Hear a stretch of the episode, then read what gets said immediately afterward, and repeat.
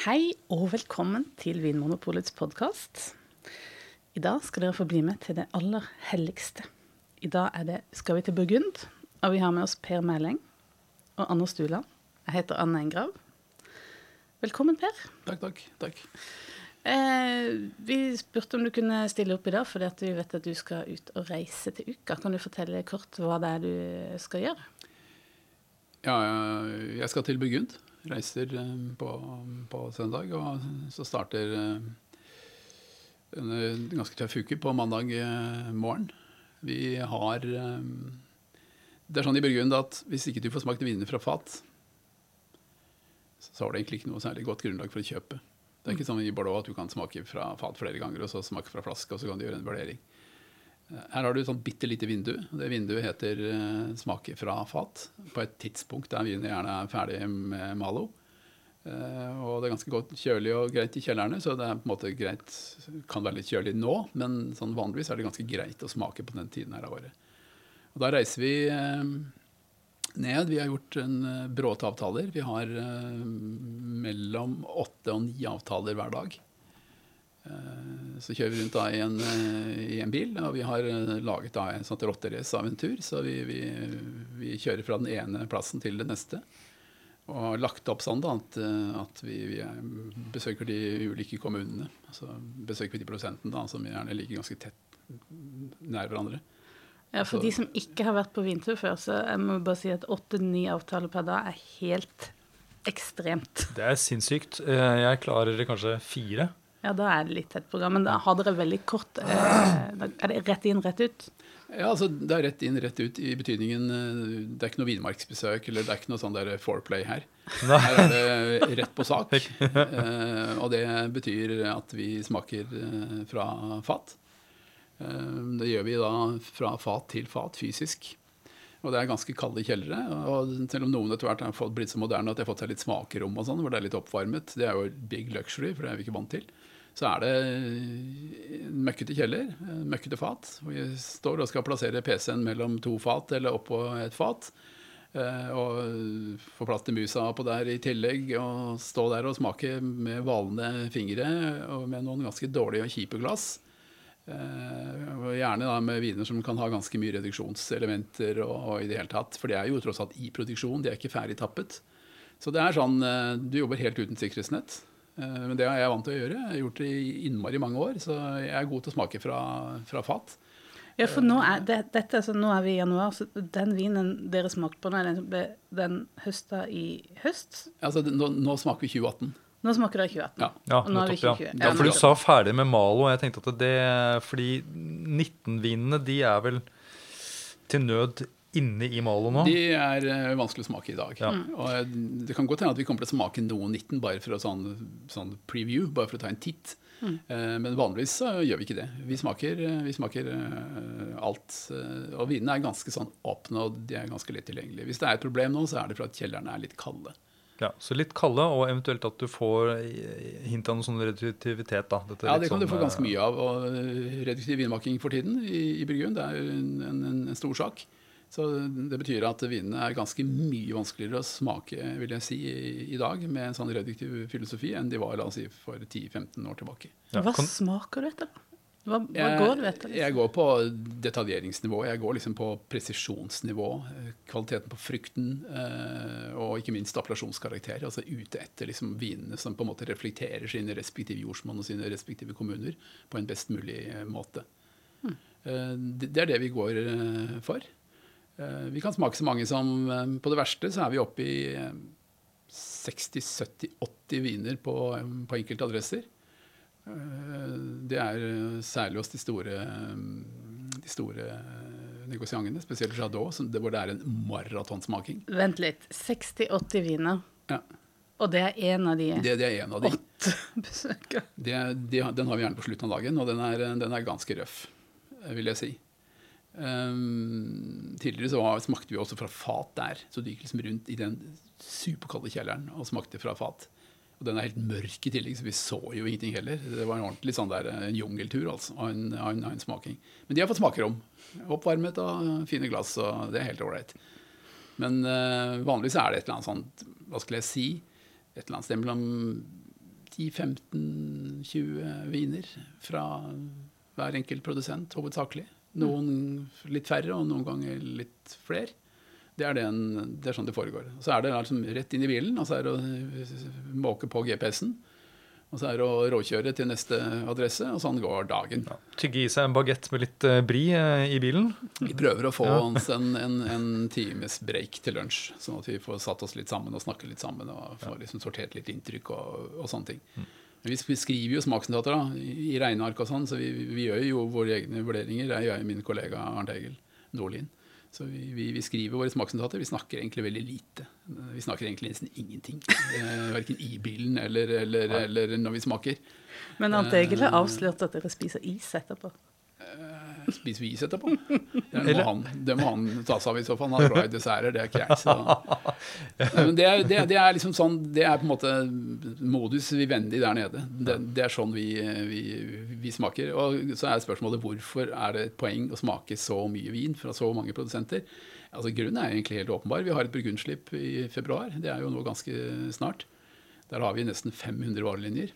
Og vi liker ikke å kjøpe vin vi ikke har smakt. Vi vil egentlig aller helst ha smakt hver eneste vin som vi lanserer. Og da sier seg sjøl at da må du, da må du benytte liksom det lille vinduet du har da, den uka for å smake så mye vin som overhodet mulig. Mm. Sånn at vi har et så godt grunnlag for å kjøpe inn som overhodet mulig.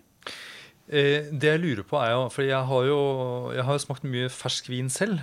Og jeg syns det kan være litt vanskelig av og til å, å vurdere. Men har du opplevd at vin som du har smakt fra Fatos produsent, og du har tenkt at dette her er ikke noe å satse på, og så prøver du vinen igjen seinere etter at den er tappet på flaske, mm. at den har liksom blomstret opp, eller at den viser noe helt annet enn det du Ja, som vi snakket om litt i stad, så, så, er det jo særlig dette med reduktivitet. Eller også at vin er stukket om ganske nylig, som, som jo er ganske stressende for en vin, egentlig. Eh, så enkelte ganger så kan du være litt i tvil. Og så er det sånn da, at Jeg har ganske mye erfaring med dette. så Hvis jeg har vært hos f.eks. en produsent eh, la oss si 20 ganger, så smaker jeg liksom akkurat den vinen fra den vinmarken, så har jeg ganske mye hukommelse. altså Jeg vet ganske mye om den vinen. Og hvis den liksom ikke akkurat leverer som den skal da, så er jeg rimelig trygg på at alt er i orden, dersom de andre vinene fra samme produsent uh, i samme kjeller er ok. Ja. Uh, så, så, noe, noe liksom må du også overlate til fantasien her. Mm. Og som sagt, uh, reduksjon gjør det ganske vanskelig å smake, smake vin. Mm. Uh, men det er jo klart det er andre utfordringer. Altså, jeg husker når vi var av gårde og smakte i 2011. Det var jo rødt da. De vinene de, de jo, viste seg jo etter en del år å være ganske grønne og, og, og, og undermodne. Men da vi smakte de fra fat, så var det ikke sånn. De var kjempegode. Uh, og jeg vil si at det, det, var en vurdering uh, vi gjorde da. Uh, det viste seg ettertid å kanskje være en ganske dårlig vurdering. Men hvis det var en dårlig vurdering, så var det i hvert fall sånn at alle andre som smakte vinene framfor alt på det tidspunktet, gjorde en tilsvarende dårlig vurdering. De, de, ble grønne ganske raskt etter tapping på flaske. Jeg var helt overrasket når jeg smakte disse vinene etter jeg hadde kjøpt de og begynte å åpne. Jeg tenkte jeg, gud, alle disse vinene har jo blitt så steingrønne. Mm. Men det var det faktisk ingen i markedet som hadde oppdaget. Og det ble ikke kommentert der nede heller, eh, men de mistet frukt fort. Og det var en undermoden årgang. Eh, den var svakere i Cote Nuit enn den var i Cote Bon, men like fullt. Så det, er fullt mulig å gjøre feil, men sånn må det være når du jobber liksom uten sikkerhetsnett på den måten her. Vi kunne ha kjøpt vinene liksom etter tre år, bortsett fra at det ikke hadde vært noe vinner for taket. Ja, det er det som er problemet. Det, det, er sånn det er. Det er den muligheten du har. Det er det lille vinduet som, som du har til rådighet for å gjøre den vurderingen. Og, og, og, sånn, og sånn blir det. Ja, og for mange så vil jo det, uansett om det er en uh, grønn årgang eller ikke, bare det å smake vin fra det, uh, den produsenten og den vinmarka være en opplevelse i seg sjøl. Ja, det er det jo. Så den vil være en ettertraktet vare? Ja, ja. ja, ja. Uansett. Det er det jo. Og så er jo tross alt Burgund er jo blitt en stor ting, da. Yes, der sa du det. Det har, blitt, det har blitt en stor ting, og det er mye forventninger til det slipet og sånn. Det er jo Altså det Bryggen-slippet det er jo, eh, det er jo liksom årets vinbegivenhet blant uh, vinfolka i, i, Norge. Det er jo uh, Folk ligger over der liksom i to uker, uh, midt i februar. Da skal du være ganske gæren altså, for, å, for, å, for, å, rigge deg til der nede på en, på en, på en seng i en sovepose. Jeg skal si, Slippet er nå om når det er, det er første torsdagen i, i, i februar. Ja, sånn at, Men har noen begynt å, har noen lagt seg i kø allerede? Det er overhendelig ikke det. Men, uh, men, det er nok ikke så mange straks unna. Jeg tipper at uh, soveposen er sikkert pakket og står klar i, i, i entreen. Men vi må prøve å forstå dette her. Hva er det som vekker ja. disse følelsene? Å Få oppnå sånne priser. Hvor begynte det? I Burgund, da? Ja, altså Burgund er jo et uh, Det er vel egentlig Altså, Burgund er jo Nå snakker vi om Cote egentlig. Det er, jo, det er jo det som er temaet her i, i dag. Ja. ja. Det er en uh, ca. fem mil lang åsside. Uh, forkastningsgeologi. Komplisert uh, geologi, vil jeg si. Strekker seg fra ja, Dijon til uh, omtrent Santenay delt i to. Cote Bonne og Cote Nuit. Og det du eh, sier, at det, det, er det vi regner for kort år, så det, det, som er Chablis mm. og Beaujolais, og det som ligger liksom omkretsende Det er ikke det, det som ikke er dag. Det kan vi ta ved en annen anledning eventuelt. Mm. Men det, det er Det er the holy grail. Oh yes. Og det, det har det ikke alltid vært. Men klart, dette er et gammelt vinområde, altså. Det har jo vært produsert vin der langt tilbake i ja, romerne og før romerne. Det, jo, det er jo er det mange bevis på, så det, det, er ikke noe problem. Eh, jeg vil si at eh, jeg vil si at eh, fra 1100-tallet, munkeordnene, sistensienterordenen kanskje spesielt, de etablerte seg jo der nede. Man må jo huske at kloster klostrene den gangen det var jo på en måte omtrent som universitetene. Det var liksom der de intellektuelle. Det var der de som hadde på en måte en slags begavelse, men som ikke hadde penger. Ikke var liksom av noblesse. Ikke hadde familie som hadde penger eller tilsvarende. Hvis du ville noe opp og frem her i verden, så, så, så gikk du i kloster. Og, og der nede så, så fant jo disse munkene ganske raskt ut at fordi dette, dette var jo um, folk som jobbet De hadde en veldig sterk arbeidsmoral, og, og, og de jobbet jo liksom i, i vinmarkene. De jobbet med landbruk og, og sånn. Og de uh, fant jo fort ut at det er forskjell på vinmarker. Uh, de fant ut at den der vinmarka oppe, liksom, høyt oppe i kroken der oppe, liksom, helt oppe i åssiden der, den produserer helt annen kvalitet og helt andre druer enn eh, den vinmarka som ligger helt nede langs veien her. Ja, og Hvordan kunne du se det? eller Hva, hva vil det si, de, denne forskjellen? De vinifiserte eh, jo disse vinene. Eh, og de gjorde jo parsellsvis vinifikasjon. Ikke fordi at de eksperimenterte med, med parsellsvis vinifikasjon, men de registrerte jo simpelthen at, at enkelte fat Eh, fra enkelte områder smakte annerledes enn andre områder. Og at eh, vin nord for byen, fra Corton-toppen f.eks., smakte annerledes enn den eh, Volnay. Og dette var jo ting de på en måte spekulerte i. da, og de, Det er jo ikke så mye kildemateriale fra den tiden, men utvilsomt så, så, var det nok allerede på det tidspunktet en ganske sånn etablert forståelse for hva som var de gode stedene og de mindre gode stedene. Mm. Og, den, og, den, forståelsen av at åssidene, midt i åssidene, var et bedre sted enn på flatmark med, med dårlig drenering, og et bedre sted enn helt opp mot skogen, der det var ganske karrig og, og, og forblåst. Eh, det er en sånn type forståelse som, som, som er gammel allerede romerne, altså i Italia, eh, forsto jo det. Altså det. det. har vi jo god dokumentasjon på eh, fra den perioden, altså fra romertida. At allerede på det tidspunktet så hadde de en veldig klar forståelse for, for, for hvor de beste delene eller de beste parsellene i en, i en, i en, i en vinmark. Mm. Så i solhellinga, på en måte? Solhellinga. Mm. Eh, og så må det jo være sørvendt. da, Østvendt, vestvendt, sørvendt, liksom. Mm. Eh, og ikke nordvendt. Eh, og, og, og, det vet de jo. Ja, for det er eh, ganske heldig på en måte plassering. Eh, denne her Kottåen ligger jo eh, nesten rett nord-sør. denne striden. Den ligger eh, nord-sør. Og det ligger, peker opp mot Paris og ned mot Middelhavet, så det er jo også en sånn naturlig eh, gjennomstrømning Mm. av trafikk fra Paris til Middelhavet. Så det har vært en viktig reiserute også. Det er også. en viktig reiserute. Det er klart den har det. Så er det jo eh, ikke minst eh, Det det er jo veldig mye klostre der. Eh, Så det har, det har vært veldig mye sånn trafikk i, i, i området. Og vindmarkene ligger jo eh, øst, sør, sørøstvendt. De, de, de beste av de ligger jo, gjør jo det. Eh, Så var det jo sånn at vi, klostrene fikk jo donert da, vindmark. Støtt og stadig. Og vi har jo, vi har jo hospice i dag med auksjonen i november og sånn, som, som jo auksjonerer ut ikke sant, fat. Donert altså av Fra, privat, fra, privatpersoner Fra som, privatpersoner, altså Ja. rikfolk, adel, landadel og sånn, som donerte til kirken. for å slippe unna skjærsilden.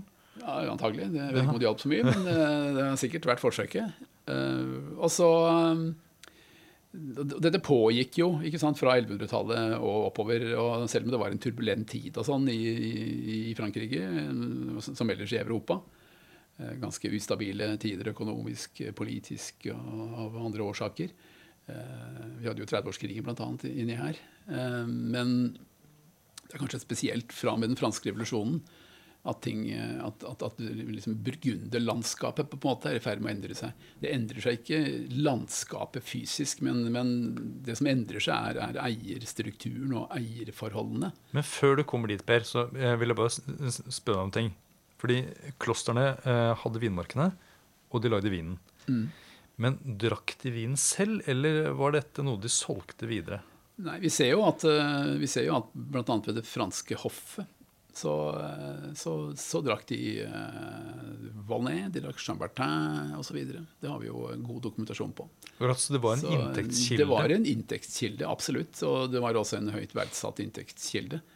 Eh, allerede på det tidspunktet så var dette viner som, ble, som, som var veldig høyt verdsatt i, i, i Frankrike. Og det Spesielt var da vel i også en, Frankrike. det var vel også en det hertug det heter? Eh, en ganske viktig adelsmann som eh, regjerte over Burgund. Mm. Som hadde sterke tilknytning til det franske slott, hoffet. Mm, mm. Så der også var det jo en sånn eh, en lokal, viktig person som på en måte kanskje også spredte denne vinen og gjorde den vinstilen kjent i viktige kretser. Ja da, den uh, har vært drukket lokalt i Frankrike på, på, på, på høyt, høyt eh, sosialt nivå i, eh, i alle år. Um, tilbake til revolusjonen, da, så, så var jo det vi, vi kjenner jo på en måte til revolusjonen. Vi vet jo hva det, hva det innebar uh, i langt vei. Uh, akkurat for Burgund så innebar det jo at, uh, at eh, du fikk den store franske revolusjonen. Eh, Vinmarkene, og det gjaldt jo da kirken og adelens eh, eierskap, ble jo, ble jo eh, redusert, for å si det forsiktig. Vinmarkene ble ekspropriert i 1791. Eh, og de ble da stykket opp og fordelt på, på veldig i høy grad de som jobbet vinmarkene, altså de som hadde hatt det liksom praktiske arbeidet. De fikk det jo ikke, altså de måtte kjøpe det til en pris. Eh, så, så det var ikke sånn at det bare var bønder som kjøpte da, parseller. Men vi må, vi må liksom se det på den måten at eh, hvis du hadde en, en, en vinmark som hadde på en måte én eier, da, Clovorsjå er et godt eksempel på det, så, så, så ble jo den stykket opp. Sånn at eh, fra liksom på en måte å ha én eier, så fikk den 10, 15, 20 osv. Og i dag så har de jo den vinmarken over 100 eiere. Um, og, og det er på en måte også tilfellet med, med, med veldig mange andre vinmarker i Burgund. Det er faktisk regelen egentlig snarere enn det motsatte. Det er veldig få monopoler. Det betyr ikke at ikke det ikke er monopoler i, i, i Burgund, for det er monopoler i Burgund. Men, men, men, men det, er, det, er, altså ikke, ikke, ikke regelen. Så du har da en ca. fem mil lang stripe, eh, tynn tarm, som er delt opp i ekstremt mange parseller. Det har du. Det har du. Eh, og det er ganske mange appellasjoner eh, i Burgund. Eh, det, det, har jo blitt gradvis mer og mer komplisert, og Napoleons arvelov gjorde jo ikke situasjonen noe spesielt bedre ved at den gir både kvinner og menn lik arverett. Ja, Så det var ikke en, en odelsgutt lenger som, som, fikk hele parsellen eller vinmarken? Nei, det, det, det, var det ikke. Og det, og det har jo hatt veldig store konsekvenser, egentlig. For der, de, der, nede så har de en tendens til å gifte seg med hverandre. De, de reiser liksom ikke så mange meter før de gifter seg med nabogutten eller nabojenta i, i appellasjonen ved siden av. Eh, og så skal dette splittes opp. da. Så Fra at du har liksom et domene da, på 10-15 hektar, så har du fem unger, så sier det seg sjøl at da, da, blir det ganske mye parsellering ute og går. Så hadde du la oss si opprinnelig da, en hektar i en vinmark, så, så, og ungene skal arve, så, så, sitter de med en ganske liten skalk. Mm. Tenk i juleselskap. Ja. Og da lurer jeg også på eh, Hvis du er eh, på frierføtter eh, i Burgund, og så har du da du har litt, en liten parsell, eh, og så har du lyst på noe mer for å lage litt mer vin. Mm. Er det da mer fristende å gifte seg med en, eh, en datter som da har en, en, veldig fin parsell, eller en parsell i en veldig, veldig anerkjent vinmark?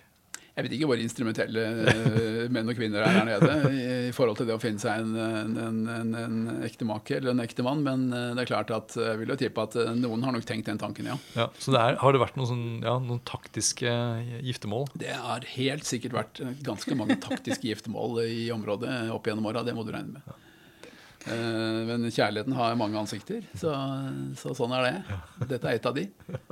Ja, det er sant. Det er så mye visdom i det. Men eh, la oss komme litt tilbake til akkurat hvordan det ser ut. Eller hvis ikke det er noe mer sånn historisk det, det, er en viktig del av å forstå den ja, oppdelinga. Hvis man skal føre det helt frem til i dag, da, så er det jo sånn i dag at du har, du har, en, du har en, skatt på jordbrukseiendom i Frankrike på, på 40 Eh, vi, men da er det altså en grense på 1,6 mil, 1,6 eller 1,7 mil euro. Men er det er verdien over altså la oss si 16-17 millioner altså norske kroner, så er det 40% Eiendomsskatt. Ja. Altså jordbrukseiendom. Akkurat. Og da kan du tenke deg, altså med dagens vinpriser i Burgund Eh, så sier det seg sjøl at det er ganske Du skal ha en bitte liten eiendom. Altså Hvis du har gode vinmarksparseller i, i Kotor i dag, så er det 1,7 millioner euro altså peanøtter. Så du må regne med at uh, da snakker vi 40 og, og, og det er krevende. Du, du, klarer ikke å løse ut altså 40% Du må selge eiendom for å, for å, for å, for å kunne arve. Og det har jo bare liksom satt enda større fart på den, på den eh, parselleringen av vinmarkene i, i byggen. Og det skaper jo et mangfold, da. Du kan tenke deg. Eh, Clovershaw liksom med én eier. Hvor du lager én vin som heter Clovershaw. I dag så har du 100. Eh, og det betyr at folk har ulike ambisjoner. Noen er flinkere enn andre. Noen har bedre beliggende vinmarker enn andre. Eh, noen er mer ambisiøse. Eh, noen bryr seg ikke noe særlig. Altså, det er så innmari mange ting som, som slår ut, og som, og som, og som til syvende og sist uh, gir en vin og gir en kvalitet. Og når det er så mange som opererer liksom innenfor rammen av én enkelt vinmark, så sier seg sjøl at det blir et ekstremt mangfold. Som det er ganske vanskelig å se gjennom. Mm. Det er ikke lett liksom, å forstå liksom, i det enorme bildet liksom, av, av, av, av, variasjon, uh, og se hva er en Glovergeau, hva er en Echezot, f.eks. Eh, og så har du den andre siden, da, sånn som Claude Lambré, som jo er altså en, en Grand Cru i denne landsbyen som heter eh, Moret Saint-Denis, på 8,8 hektar. Det er et monopol. Det er altså én enkelteier. Eh, og når du ser vinmarksprisen i Burgund dette, dette, Denne Claude Lambré ble jo solgt nå, i, jeg tror det var i 2015, for 100 millioner eh, euro. Ja. Eh, det er ganske mye penger, da. Og så har du en, du har en sånn kommunal instans i, i eh, for så vidt i hele Frankrike som heter Safer. Og de, deres jobb det er liksom på en måte å sørge for å påse at det er mulig for en yngre generasjon med øh, bønder å kunne starte opp med å produsere vin fra egne vinmarker i Burgund, så de kan på en måte gripe inn da, og stoppe et sånt salg. og, og, det har skjedd ved noen anledninger. At de har faktisk har, har, har, har regulert, de har regulert prisen. Eh, men i de senere årene så er tydeligvis dette ganske vanskelig. Når det gjaldt Claude Lambré, så, så, så, solgte de liksom på en måte ikke vinmarken, de solgte aksjene. Og da slapp de på en måte unna. Mm. Ja. Men uh, Fevlet kjøpte jo 0,1 hektar av Musigny for 5,5 millioner euro. Det tilsvarer også 500 flasker og, i året. Og du betaler også 55 millioner kroner for, for den lille skalken. Eh, der grep de ikke inn, f.eks. Og jeg kan ikke tolke det på noen annen måte enn at de har ment at det liksom på en måte er verdien eh, av den vinmarken. Så hvem er det som har råd da til å kjøpe seg en liten parsell i Burgund? Det er jo da Det er de rikeste av de rike. Eh, Pinot, han som eier bl.a. Chateau Latour, han er en av Frankrikes rikeste menn, kjøpte jo Domaine Angel i sin tid. Eh, det var vel i 2005. Han betalte vel 6,5 eller 7,5 eh, millioner euro for 7,5 hektar eh, villmark. Etter det så har jo denne Kranke-familien, amerikansk familie, kjøpt, kjøpt Bonneau de Martré i, i, i Corton for det som sies å være 100 millioner euro. Og det er en atskillig mindre eiendom. Eh, så eh, det har jo blitt sånn etter hvert at um, veldig attraktiv vinmark i Burgund begynner å koste helt ekstremt mye. Ja, og, det, ja. og, vi snakker egentlig om altså, Det er rett rundt hjørnet antagelig at det, går, at det går eiendommer for godt over milliarden i, i, i Burgund. Og det er jo helt umulig å forsvare altså økonomisk. Altså, ja, inntekter fra Det er ikke mulig. altså. Dette, er, dette, handler ikke om det lenger. Det er jo... Ja, Hva handler det om da? Nei, dette er jo dette er liksom en del av et forretningsimperium. da. Uh, eier du uh, uh, Louis Vuitton og Moët Tennessee, f.eks., så er liksom det bare liksom, denne eiendommen er bare en del av et veldig stort forretningsministerium. og Det er vel sånn de vurderer det. da. Ja, Det er en, en merkevarebygging? Det er en merkevare, ja. ja. Det er en merkevare, Men mm. man må jo huske at dette her, når du kjører rundt i Burgund og ser liksom de der eh, Det er ikke Bordeaux, dette her. altså. Det er ikke noe slott der nede. altså Hvis det er noe, så er det jo Byene er bitte små byer. Det er trange gater, det er unnselige hus. Det er liksom morfar og et par unger. Eh, det er ikke noen fine kjellere, og det er liksom ikke Lamborghini-området, dette her. Dette er jo bondeområdet, hovedsakelig. Uh, modest, uh, unnselige steder. Det er ikke ja. sånn du tenker at, at denne vinmarken som ligger liksom oppi kroken der, den kan du selge for 500 millioner. Det er et sånt spenn liksom, på en måte mellom liksom, det der og at dette er liksom superenkelt.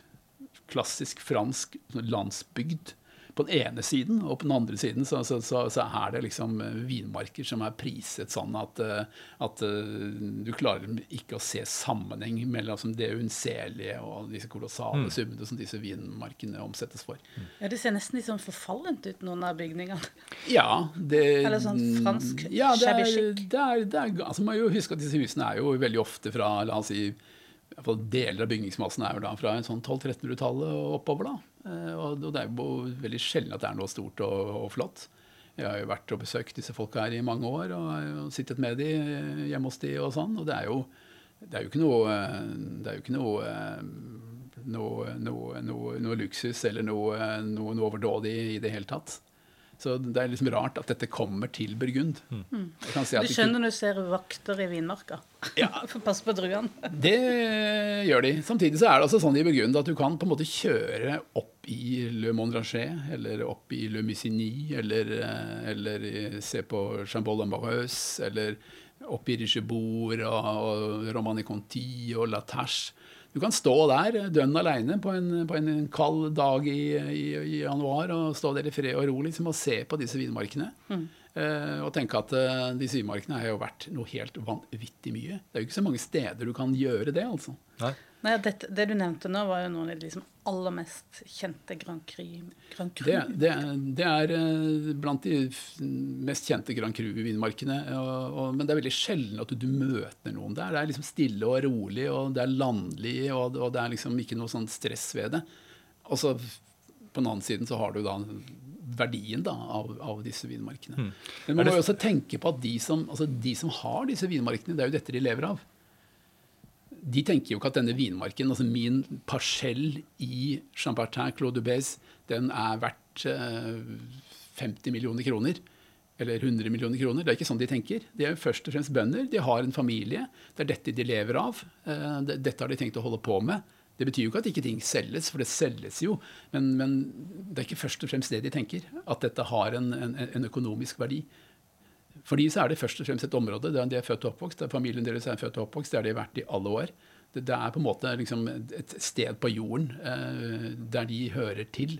Og der de produserer da, eh, vin fra, fra, enkelte parseller. Og det har de tenkt at eh, det skal familien videreføre så langt det er eh, mulig å gjøre det. Men jeg tenker, eh, med de prisene som er på vinmarkedet nå, er det ikke en fare for at eh, store investeringsselskaper kommer inn og begynner å eie disse vinmarkene, og kanskje eiendom, altså kjellere etter hvert? Og, og, kanskje det kan liksom endre litt av sånn, tankegangen som du beskriver nå? Jo da, det, det er klart. Det er, en, det er, jo en, mulighet for det. Uh, det er, det er, fullt mulig å se for seg at noen på et eller annet tidspunkt tenker at jeg kunne ha mer bruk for 500 millioner kroner enn, enn, å, enn, å, enn å, sitte her nede og fryse øh, ræva av meg hver eneste vinter i et gammelt hus i en trang gate i, i, i Vondromane. Det er klart at noen har sikkert tenkt den tanken, men det er ikke mentaliteten i Burgund. Nei, nettopp. Men eh, ja, du beskriver da et litt sånn, ja, et bondsk eh, område på mange måter. Men allikevel så har er det jo mange vinturister der, er det ikke? Det ikke det, mm. er, er, ikke det også en utvikling jo, de siste årene? Jo, det, det, det, er eh, mange vinturister der. Da jeg begynte å reise til Burgund, det var sånn mm, på slutten av 80-tallet, vil jeg si. Eh, jeg hadde vært der før òg, men eh, på slutten av 80-tallet. Da var det jo sånn at du kunne jo besøke alle. Du kunne banke på døra. Du trengte ikke å ha en avtale engang. Hvordan skulle du egentlig få deg en avtale? Det fantes jo knapt nok faksmaskiner. Og de hadde i hvert fall ikke faksmaskiner. Og, og telefonen tok de aldri, for de var jo alltid ute i vinmarkene. Så det var jo helt umulig å få tak i folk. Men den gangen så, så kunne du besøke Ari Jaillet, f.eks. En veldig, veldig veldig berømt eh, produsent fra Vaughan Romanet, som eh, laget vin til et stykke opp på 90-tallet. Eh, I dag så kan du, har du en flaske Cros Paran 2 1988 i Magnum, så kan du selge den i auksjonsmarkedet og kjøpe deg en bil, f.eks. Eh, den gangen kunne du bare stikke innom og kjøpe vin på døra. Eh, mm. Tilsvarende Corsteri, f.eks. i Meursault tilsvarende. Eh, et par venner av meg var der eh, for mange år tilbake, og han lurte på om de hadde lyst til å importere vinen hans til Norge. Nei, det syntes de ikke var noen god idé. Det hørtes bare veldig tungvint og vanskelig ut, så det syntes ikke det var noen god idé. Så var det en annen som fanget det opp, da. Men, eh, men sånn var det den gangen. Det var liksom et område der Det var nesten ikke turister her det var nesten ingen der. Det var, liksom, var burgundfolka, og så var det noen som liksom på en måte var opptatt av vin. Men de få som var opptatt av vin, de var liksom ordentlig opptatt av det. Men det, det var ikke rukket å bli et sånt arnested, et sånt sted, et sånt religiøst plass for, for, for, for vinturister. Det var det virkelig ikke. Og, og det var det heller ikke på 90-tallet. Det skjer først etter 2000, vil jeg si. Og i dag så er det jo eh, Jeg har reist ned i mange år og sånn, og det har aldri vært noe spesielt vanskelig for meg å få de besøkene jeg, jeg, jeg har ønsket meg. I dag så har jeg jo den jobben jeg har. Uh, og, og, og, det er klart at det, det, Jeg slipper jo på en måte til, da, stort sett, hvis de på en måte har tid for meg. Men i dag så er det så mye folk, altså.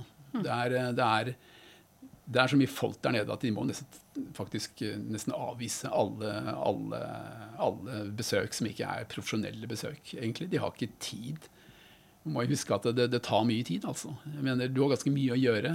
Vin lager ikke seg sjøl. Sånn. Da skal du på en måte betjene eh, flere titalls eh, vinturister hver eneste dag. Så går det på en måte til syvende og sist utover kvaliteten. Og ikke minst, de smaker jo fra fat, disse folka her. Mm. Eh, og det går unna en del vin òg. Så, så, i dag så er det ganske vanskelig å få besøk i Jeg vil si at det, den, det er vel ikke et område i, i, verden i dag som er vanskeligere å, å få gode besøk enn, enn, i, enn, i, Burgund. Men sånn har det ikke alltid vært. Altså. Det er noe som har kommet og gradvis blitt på en måte mer og mer problematisk. Mm. Så hva var det som skjedde? Hvorfor har det liksom eksplodert på 2000-tallet? Hvorfor er det så mange som eh, har blitt så interessert i, i Burgund? Det har jo mye med det å gjøre at det er så veldig lite av det. Eh, vi må jo tenke oss at Liovillas Villas Cass, f.eks., i, i Saint-Gilien, produserer jo Bordeaux. Bordeaux produserer jo en halv million flasker. Lafitte, halv million flasker. Mye vin, det. Det er ikke noe vanskelig å få tak i en flaske Lafitte hvis du på dødelig vil, hvis du er villig til å betale det det koster. da. Men eh, mange av de det er snakk om her, har jo faktisk lov til å betale det det koster. Eh, men sånn er det jo ikke banker på døra hos eh, Romier og har lyst til å kjøpe en flaske Musigny. Man lager eh, et fat pluss et halvt fat, altså rundt 450 flasker for verden. Mm. Eh, jeg husker jeg var der i 93. Da kjøpte jeg bl.a. en flaske Musigny 91 på døra hos, hos, hos Christophe Romier. Det var ikke noe problem i, dag så koster disse vinene i, i, annenhåndsmarkedet sånn 100 000-150 000 kroner per flaske. Og det er 450 flasker for hele verden. Har du litt sånn samlegen og har en ekstra stor lommebok, og er en del av et, sånt, av et litt sånt internasjonalt sånn jetset vinmiljø, så er det den type flasker du liksom sulter etter. Det er liksom å oppleve akkurat i liksom helt den marginale kvaliteten der det er så lite vin å få tak i at den nesten ikke fins det trigger en del folk. Og, og, og, det, gjelder jo, det gjelder jo egentlig det, det, altså Ett og et halvt fat, det er ganske vanlig, det. Så et, et fat, to fat Det er liksom et, det er ganske vanlig produksjonsvolum. Uh, og du kan tenke deg når liksom de to fata da, på 700 flasker skal fordeles på hele verden, så er det ikke så veldig mange flasker som kommer til Norge.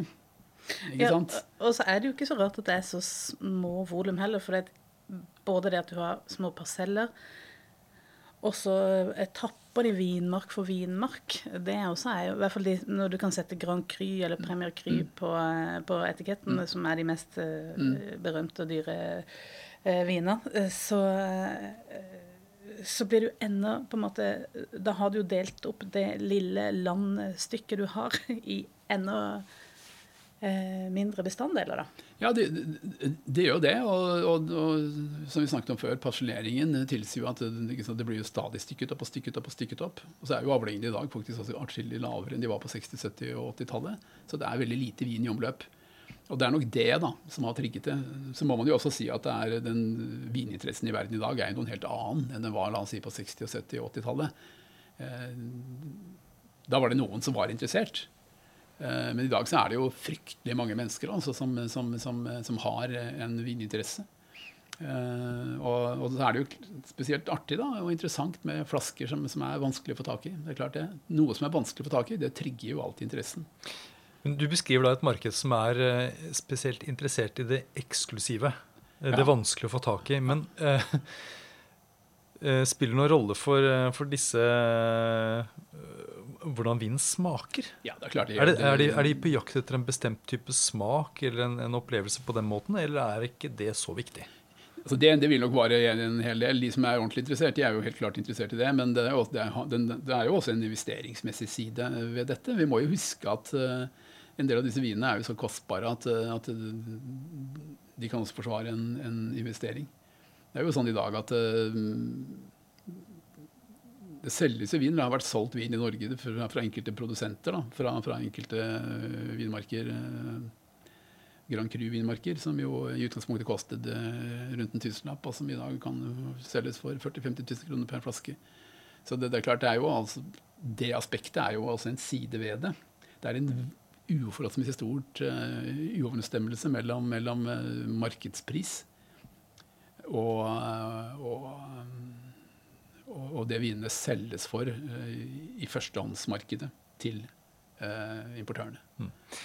Det genererer jo uh, vil jeg si, et ganske usunt marked, men, men, det er sånn dette markedet fungerer i dag. Da. Jeg har jo lyst til å smake, eh, eh, smake altså snakke litt mer om akkurat det med smak. Fordi eh, ja, hvor, hvor, mye er som eh, La oss si en burgunder fra, en rød burgund fra årgang 2018, da. Mm. Eller 2017. Som, mm. Det som er tilgjengelig nå, i hvert fall. Hva er, hvor mye koster det dyreste du kan kjøpe i, i Norge, f.eks.?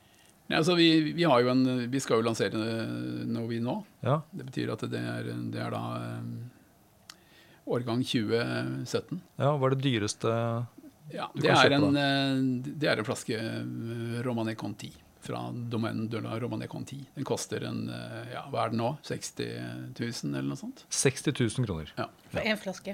Og hvor mange flasker kommer det inn til? Det kommer Jeg tror det kommer jeg tror det kommer én eller to flasker 2016 og to flasker 2014, faktisk. Mm. Men det, vi må jo huske på det bare altså, tilbake på 90-tallet. Det er ikke så lenge siden.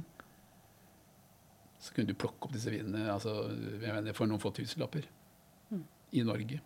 Eller i Danmark, eller hvor som helst. Så det var vanskelig å selge de.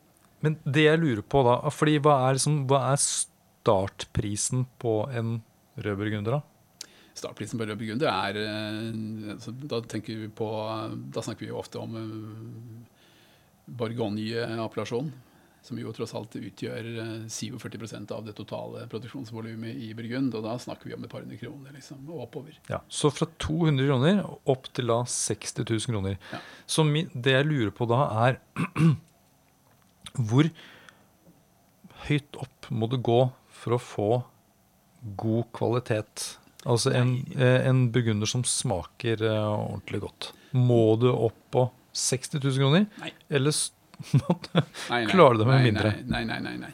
Uh, altså, du kan få veldig bra Borgoni-kvalitet til uh, noen få hundrelapper. Spesielt i, i, disse tider med litt varmere klima og sånn. Så, så, trenger du liksom på en måte ikke å, å ligge midt i åssiden for å få liksom optimalt moden frukt den tida er litt over. Eh, det skal vi forresten snakke litt om seinere. Det er en ganske interessant problemstilling. Men uh, i dag så, det, så kan du få godt moden pinot, altså ordentlig, skikkelig bra fruktkvalitet pinot, til, til noen få hundrelapper. Utvilsomt.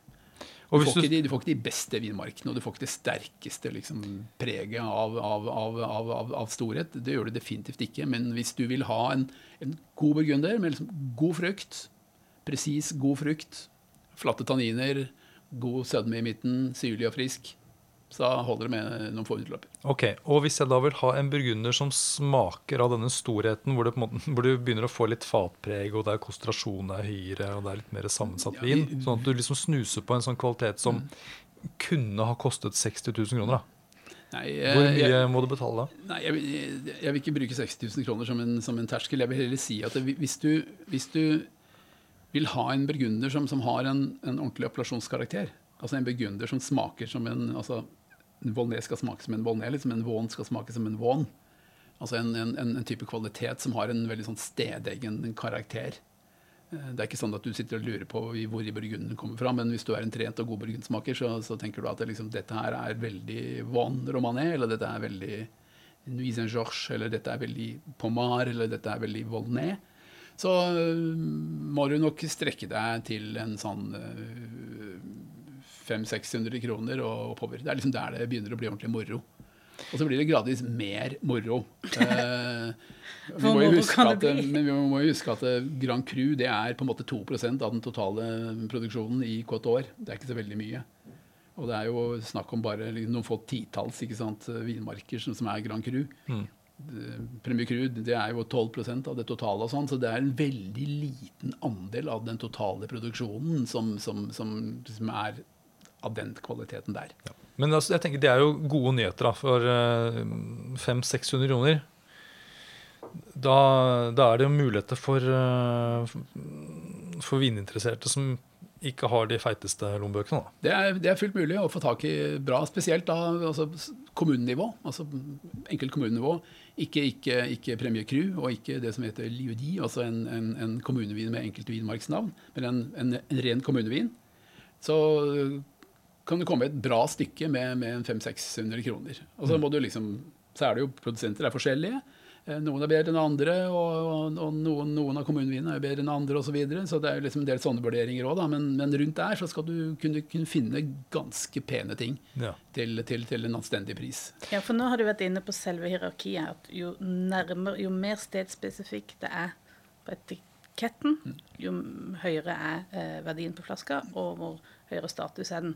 Når det er Grand Cru på vinmarken, så er det aller høyeste. Sagt det nok. det er 2% Og så er det ikke alle Grand Cru som er like dyr heller. Altså, der kan det være fra måte, rett over tusenlappen til, til liksom, sky limit. Det vil variere. Mm. Det er ikke alle Grand Cruene som er like spektakulære eller like gode eller like etterspurte. Eh, det er de jo ikke. Men du sa det at ja, en, eh, en Volnay skal smake som en Volnay. Volnay er jo da en kommune som er da mm. Flere vinmarker i, mm. i, Volnay. Mm.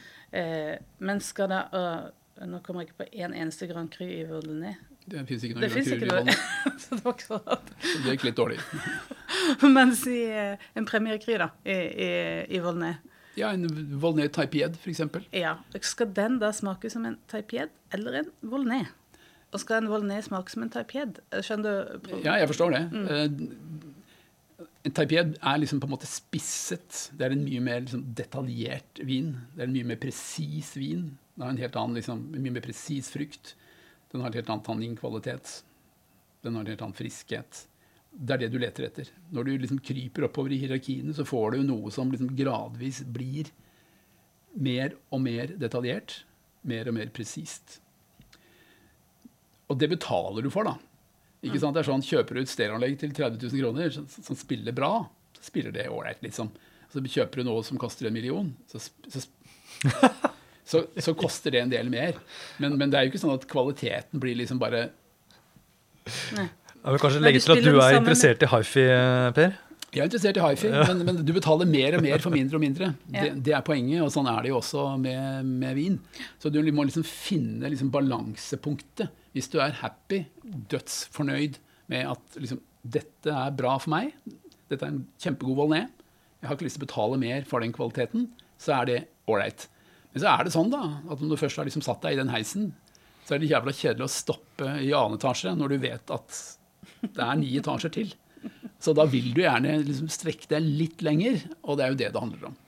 Ja, det skjønner jeg. Det var en god sammenligning. For det, er ikke, det snakker ikke om at det kommer noe annet eller noe mer inn i vinen. Det er bare at det blir tydeligere.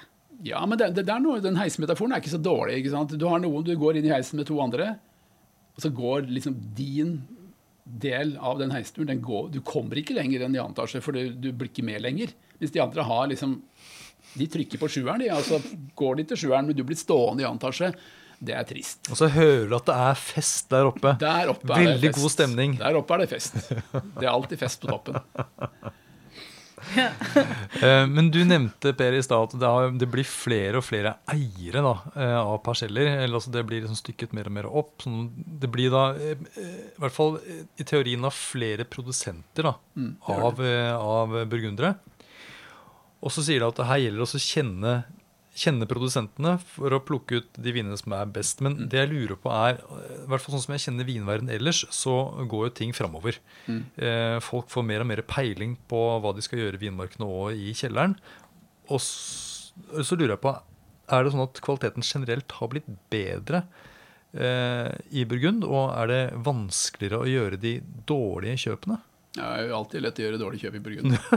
Det er jo kjempelett. Men, eh, men, ja, til det første. Eh, kvaliteten eh, er mye bedre. Altså kvaliteten på vinmarksarbeidet. Klima mye bedre. 60-70-tallet veldig vanskelig å modne pinot på en ordentlig måte. Veldig mye regnfulle somre, veldig kjølig. Mm. mye spinkel, mye dårlig frukt, mye chaptalisering altså tilsetting av sukker da, i mosten for å heve eh, alkoholnivåene. Som jo ga en sødme som liksom kan gi inntrykk av høyere modning enn det frukten realiteten er. I dag så har vi jo vi har eh, global oppvarming. Vi kan sikkert diskutere hva det skyldes. Eh, det skal ikke jeg mene så mye om. Men ingen tvil om at i dag så er det mye lettere å, å, å plukke godt moden frukt. Utvilsomt.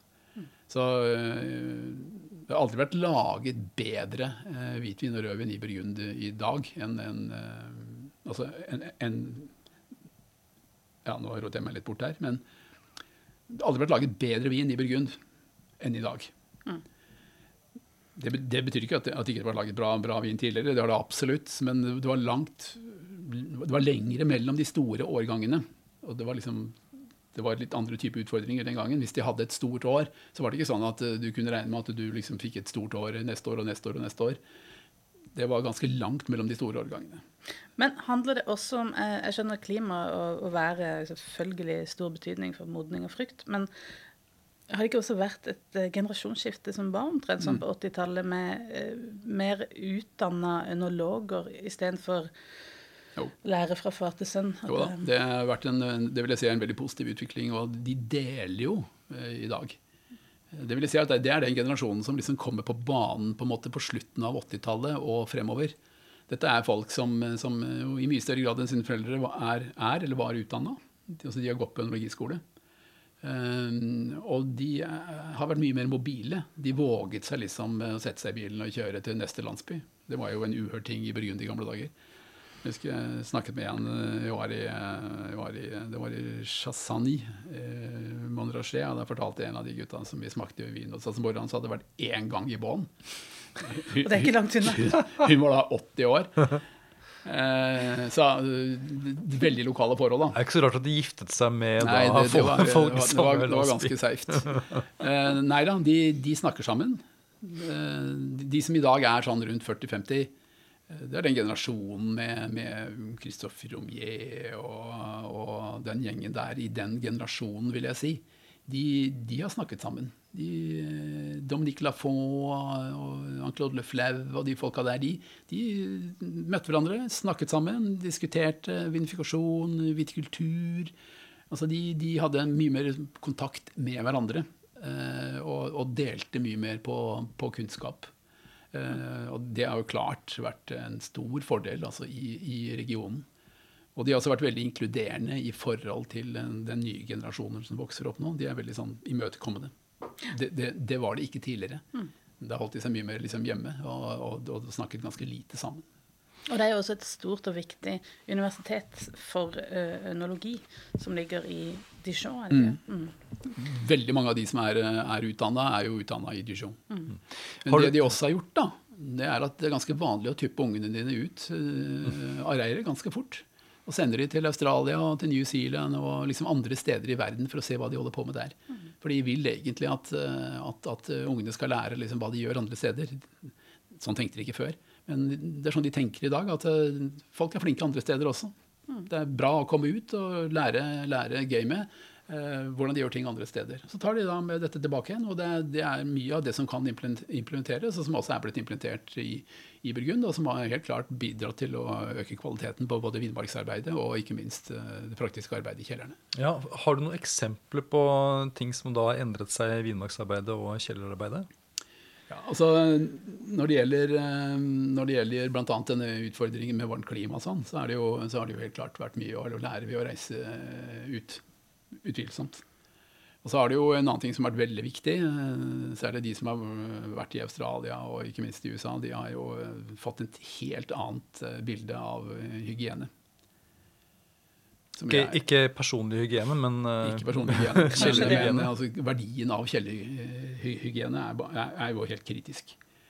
Uh, og sånne ting er jo, er jo, viktig å ta med seg videre. Uh, utvilsomt. Og så er det jo dette med vinifikasjon, da. altså tross alt, de, de, har jo Alle områder har jo på en måte sine utfordringer. da. Uh, og, og det, er godt å reise, og det er godt å komme ut og godt å lære av, uh, av andre. Um, så er det jo noe med at Jeg kan bare nevne et eksempel som jo liksom på en måte viser litt sånn um, hvordan man tenker. Eh, jeg har en, eh, en produsent jeg kjenner som, som holder til i, i, i Volnay. Um, for en del år tilbake så Han bodde jo da i for så vidt foreldrenes hus, da. Men det var en møkkete og fæl og grusom kjeller. Jeg har vært her et par ganger. Ordentlig sånn, sånn som kjeller kan være. altså sånn ordentlig møkkete. Det er sånn Du liksom bare sitter og venter på at det råtne løper over, over, over, over beina dine. Uh, og de vinene hans de var alltid veldig sånn tørre og trå og mørke og harde. Og liksom, de var ikke noe gode, egentlig. Jeg har aldri likt de. Det viste seg at han likte de ikke sjøl engang. Uh, men det var liksom sånn de var. Uh, og det var, det var dårlig hygiene, og det var mye dårlig fat. Og det var liksom sånn var det. Så fikk han jo et tips da, om at det, at det var kanskje et poeng å liksom vurdere andre fasiliteter. Altså Hvorfor ikke liksom på en måte flytte? For han hadde jo så dårlig plass. At det var jo helt umulig å drive noe fornuftig virksomhet i den kjelleren der, så trangt og jævlig det var. Så det, Han endte da med å kjøpe seg et produksjonslokale sammen med et par andre inne i båen, rundt den periferikken der. Den der veien som går liksom rundt Bonn by. Mm. Tok ikke med seg noen ting. Ingenting fra den gamle kjelleren. Altså null niks, ikke en spa, liksom. Ingenting, ikke et fat. Ingenting. Hva skjer da med viner når han lager første årgang der? Helt andre viner. Kjente ikke igjen sine egne viner. Jeg kjente det ikke igjen sjøl engang. Ja, hvordan, da, hvordan hadde de endret seg? Pure, rene, liksom, hygieniske viner i en positiv forstand. Liksom. Pene, rene, klare, friske. Liksom ikke noe harde, triste tanniner. Ikke noe sånn mørk og hard og trå frukt. Liksom ingenting. Vinene var liksom på en måte skiftet fullstendig karakter og identitet. Wow, her åpner det opp for mye. For... Der, og, men da, da, er det flere ting. Blant annet, det har noe med hygiene å gjøre. Eh, og sånn, men det har jo blant annet også noe å gjøre med gjærsopp. For som han sa, at det, kanskje det er den viktigste forskjellen. Fordi vi snakker jo gjerne om stedegen gjær og, og, og, og gjærsopp fra vinmarken. og sånn, Det er bra, liksom, med gjærsopp fra vinmarken og sånn, men poenget er jo at den stedegne gjæren det er jo den basen du på en måte har i kjelleren. Der har det vært laget vin i hundrevis av år. Den gjærstammen han har i kjelleren der, den er så massiv og er så dominant at den setter jo naturligvis sitt preg på vinen på en ordentlig demonstrativ måte. Nesten uansett liksom, hva han hadde gjort, så hadde han på en måte fått det resultatet. Men når han flytter, flytter bort fra jærsoppen, ikke tar med seg jærsoppen, så endrer jo liksom på en måte vinene totalt karakter. Mm. Og det er det ganske mye å lære av. Ja, fordi noen produsenter er jo da heldige og har da en gjærstamme som gir et godt eh, resultat. Mm. Uh, og for dem så eh, vil det kanskje være en risiko å, å, å flytte. Ja. Men han, han, tjente da på det. Han tjente på det, men jeg tror, det har jeg merket nå i senere årene når vi har snakket om det, at folk er veldig opptatt liksom, av gjærstammen. De dominant, dominante gjærstammene i, i kjellerne er ganske avgjørende for det uttrykket som vin eh, får. Er da gjærstammer det nye terroir? Det er nok ikke det, men det er, eh, at det er en del av det såkalte terroir-begrepet. Mm. Det er det utvilsomt. I mm. dag er det ingen som ikke tenker sånn. Mm. Gjærstammen er, en, er, er en, del av, det, ja. Det absolutt. Eh, for som du nevnte innledningsvis, er jo Burgund kjent for sin veldig sånn komplekse geologi og sammensatte mm. steinformasjoner under, under vinmarka. Og det er gjerne den forklaringa man blir møtt eh, av vinmakere for å forklare hvordan vinen er. Men eh, det er jo så veldig mye mer. Det er veldig mye mer. Eh, jord er jo jord, liksom. Eh, det er klart, I Bryggen så har du på en måte hovedsakelig to jordsmonnstyper. Du har, du har kalkstein, og så har du leire. Eh, hvis det er veldig mye kalkstein, eh, Sånn som det er for spesielt i Puligny, Chassagne, Saint-Aubin, altså disse hvitvinsappellasjonene eh, sør for byen, ikke minst altså i Volnay. Så blir vinene veldig friske, liksom. de blir veldig syrlige, de får mye energi. Uh, de, er ofte ganske lyse, og de er syrlige, den type viner. høy leireandel gir mye tyngre viner. Fastere tanniner mørkere frukt. Ofte en del mer sødme i midten, men, men de har liksom ikke den elegansen. Du merker det veldig sånn i Chambol, som jo kanskje er den appellasjonen, Chambol Musigny i, i Cotenouille, som er en appellasjon som har eh, veldig skrint jordsmonn. Det ligger nesten på en måte rett på, på, på, på kalk. På um, det som heter limestone på, mm. engelsk. Eh, de vinene der er, er, lyse, de er veldig delikate, mm. veldig friske. Nesten hvitvinskvaliteter? De har en sånn type, et, et sånn type jordsmonn der du helt klart kunne ha laget hvitvin. Og det gjør du jo delvis også da, i, i, i, i Jambol, litt, og i, litt i Moret. Men når du forflytter deg litt nordover til Moré og til Chevrea og sånn, så får du mye tyngre jordsmonn, du får en del eh, rødere jordsmonn, en brunere jordsmonn. Du, får eh, du har mer leire, så vinene blir liksom tyngre og, og, og sånn. Og det, det, er liksom en del av det. Men så er det andre forhold, da. Vin, beliggenhet i vinmarkene. altså Hvor, hvor ligger på en måte parsellene? Og Det er jo ganske avgjørende. I disse tider med global oppvarming så er det jo ingen tvil om at beste plassen i vinmarka i dag er ikke nødvendigvis midt i åsryggen. Den har nok krøpet oppover. Det ligger litt i korta. Det kan bli for varmt, kanskje i, midt, i, midt, i, åsryggen. Så, og sånn er det. Eh, ting har forandret seg. Eh, vi ser vinmarker som var veldig kjølige før. Som det var ganske vanskelig å modne på en ordentlig måte. Egentlig gode vinmarker, men som ikke liksom Vinene ofte var litt sånn, de var syrlige og de var litt trange og de kunne være litt skrinne. I dag så ser vi at eh, med den globale oppvarmingen så, så har de vinmarkene eh, fått et, et, ordentlig løft. Ja, jeg synes sånn Santenay eh, er et område som jeg tenker Santenay er et, et, sånt område, men du har enkeltvinmarker òg, sånn som f.eks. La Beau-Saint-Jacques, som, som, ligger liksom rett under skogen, der de kalde liksom, vinden blåser ned gjennom skauen. Og, og det har alltid vært en vinmark som har vært høstet ganske seint. Jeg har alltid tenkt at den vinmarken er en fantastisk vinmark, men det har jeg liksom aldri sett noen skikkelig gode eksemplarer før i de siste 10-15 åra. Og det ser jeg i dag at det er nok en vinmark som har profittert på at, at, at, det er et varmere klima. Det er flere soltimer, og temperaturen generelt sett er høyere gjennom hele, hele vekstsesongen. Mm. Det er jo egentlig litt gode nyheter, da. Det er gode nyheter, det. For det burgundlandskapet er helt klart i ferd med å forandre seg litt. Det betyr ikke at det er sånn at eh, en vinmark som var fantastisk for 50 år siden, eh, ikke er en bra vinmark i dag. Men bildet liksom endrer seg litt. Ja. Vil vi få flere Grand Cruer? Det tror jeg ikke vi får. Jeg tror den tiden er eh, over. Siste var vel Grand Rue i, i, i Romané, men den ligger jo liksom på en måte midt inne i et Grand Cru-belte. Så det, det, var liksom på en måte gode og logiske forklaringer på den, den, den der. Eh, det er jo enkelte forsøk. Le Saint-Georges i, i Nuit Saint-Georges uh, har vært en del uh, snakk om. Det gjelder også Vaucrin i samme, samme appellasjon. Uh, så Perrier i, i, i Merceau.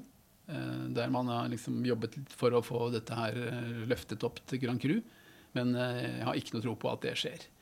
Setter du først den ballen i spill, så er det ganske mange som har, en, som har ganske gode kort. Og jeg tror ikke de har lyst til å gå inn i den, den problematikken. Men det er én annen ting òg. Det er mange spørsmål. men eh, jeg tenker, det handler egentlig om, om vinmaking, da. Eh, og vi har ikke snakka så mye om, sånn, eh, om hvitvin, egentlig. Men det har jo vært et begrep med hvite burgundere som har liksom sirkulert i noen år nå. Premox. Ja. Kan du forklare kort hva det er? Ja, altså jeg kan, jeg kan forklare hva det, hva det, er. Jeg er ikke sikker jeg kan forklare hva det skyldes. For det, det finnes, den diagnosen er ikke stilt. Det er nok en del som hevder at den er stilt, men, men eh, det er ingenting som tyder på at den er stilt, all den stund dette fenomenet fortsetter.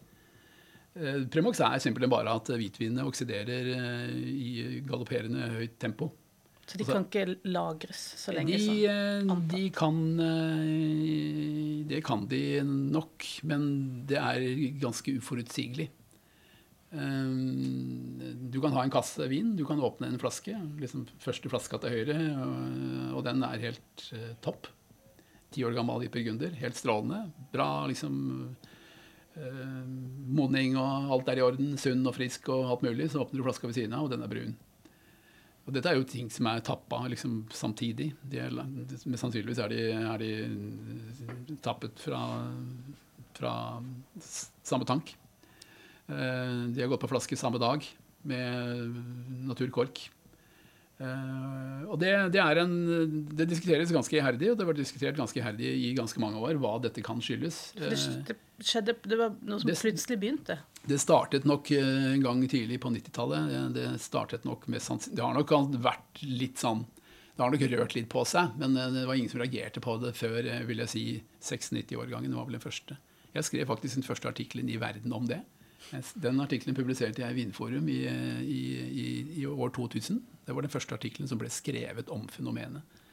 Og det, og det, det bare oppsto på en sånn måte at vi satt og smakte vin en kveld, jeg og en del andre kamerater. så registrerte jeg at det var noen flasker som var liksom inne i en sånn oksidasjonsfase.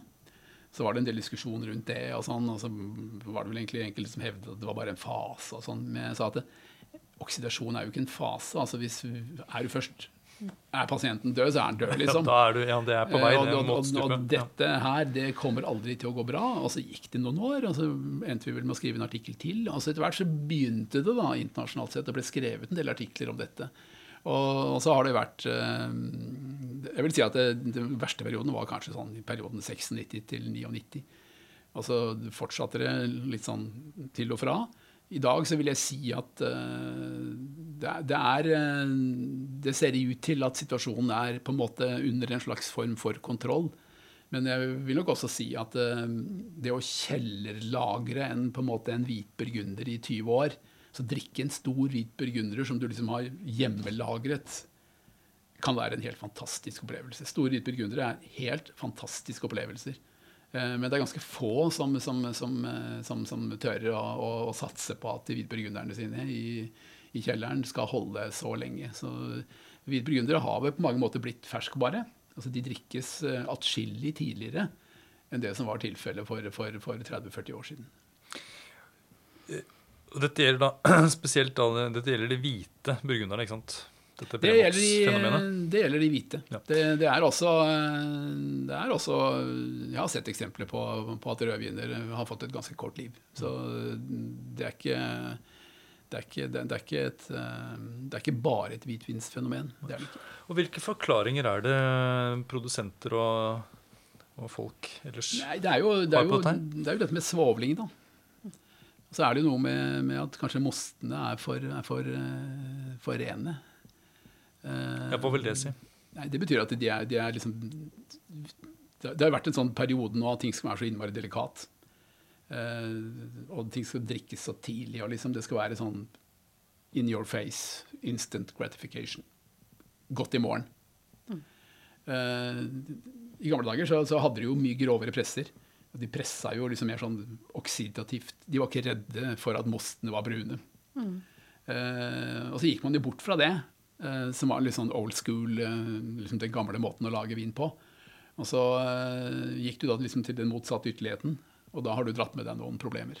Ja, for det er jo eh, en del andre produsenter eh, av hvitvin som i andre land som har begynt nå med sånn altså brun most. Det er en bra ting, fordi da får du på en måte felt ut en del stoffer som seinere kunne skapt problemer Det- hvis det kom på flaska. Det, det er, og det var the old way. Det var den måten de gjorde det på i, i Burgund i gamle dager. Eh, Jeg husker særlig vinene til eh, Korsteri. Han hadde jo en sånn presse. Han pressa jo, De mostene han så jo ikke ut. Eh, og han har holdt på på det eh, i alle år. Og jeg har vel knapt nok hatt en oksidert flaske noen gang. Jeg tror faktisk ikke at en eneste klassisk sånn Premox-oksidert flaske fra den produsenten. Så det, det, er jo, det, det er jo tydelig Men så har vi jo andre igjen da, som har, som har liksom gått fra å lage sånn supertrad-stil, og gjerne da ved et generasjonsskifte, til å lage noe som er sånn veldig blankt og, og, og lekkert og, og med veldig rene moster. Og det er jo spesielt de folka som har slitt med, med, med, med, med, med Premox.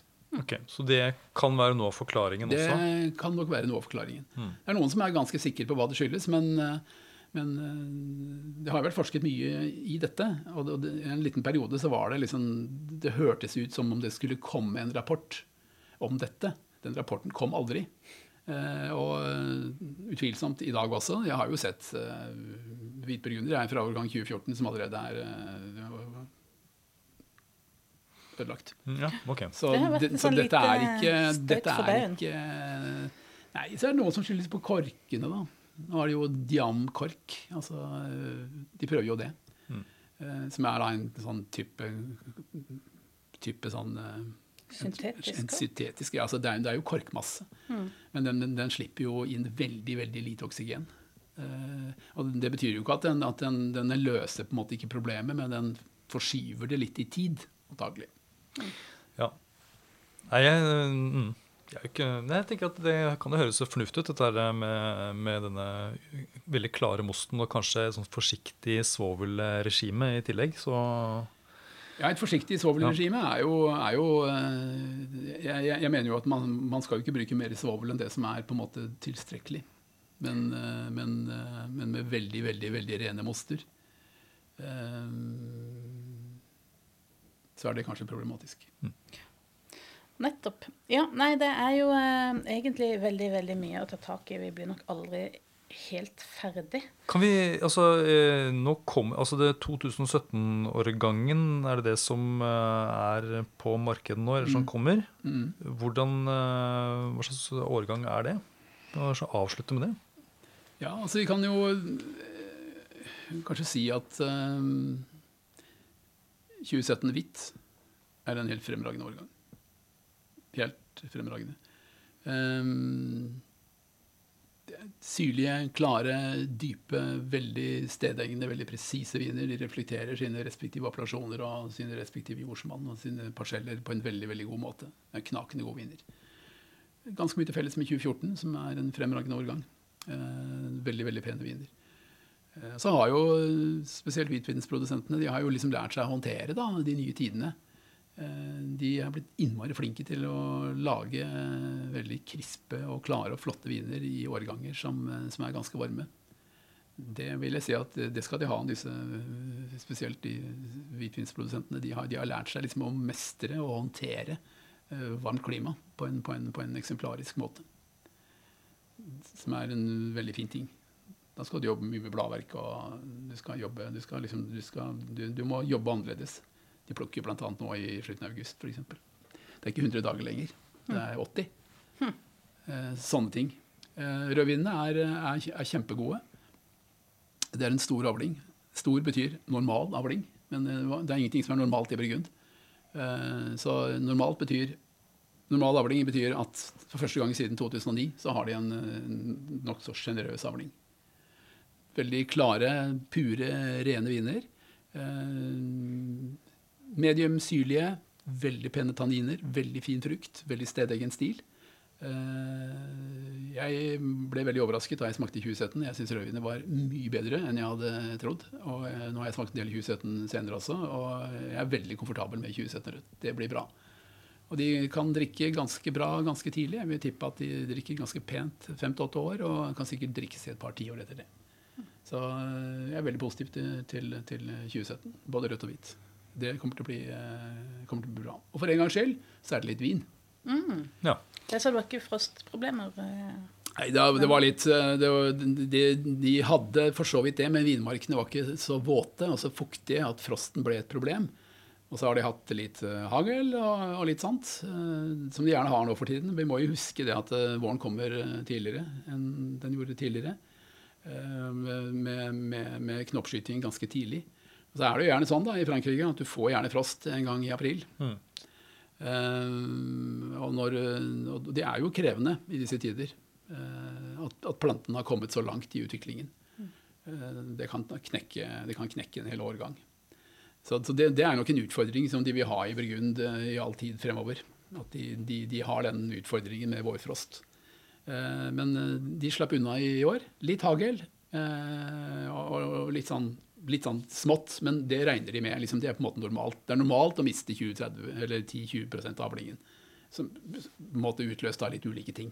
Og det gjorde de i år. Eh, normalt stor avling, ført 50-55 hektoliter på, på, på hvit og 30-35 på, på, rødt. Så dette blir, dette blir bra. Mm. Det, jo, eh, eh, det, har vært fristende Per, også å spørre deg om hvem du ville gifta deg med i, eh, i, Burgund. Men jeg skal heller spørre deg om hvis du hadde hatt uhorvelig mye penger. Hvor ville du kjøpt, kjøpt, deg en parsell da? Da ville jeg kjøpt meg en parsell i uh.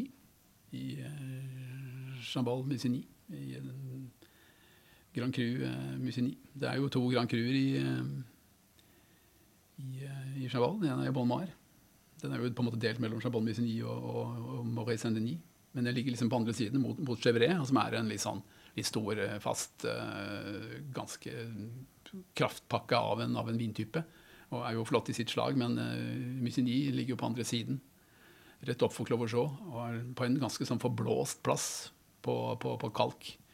Eller veldig mye limestone der. Um, strålende vin, altså. Liksom, den har en sånn aromatikk, og den har en struktur og en sånn smidighet uh, som er utrolig tiltalende.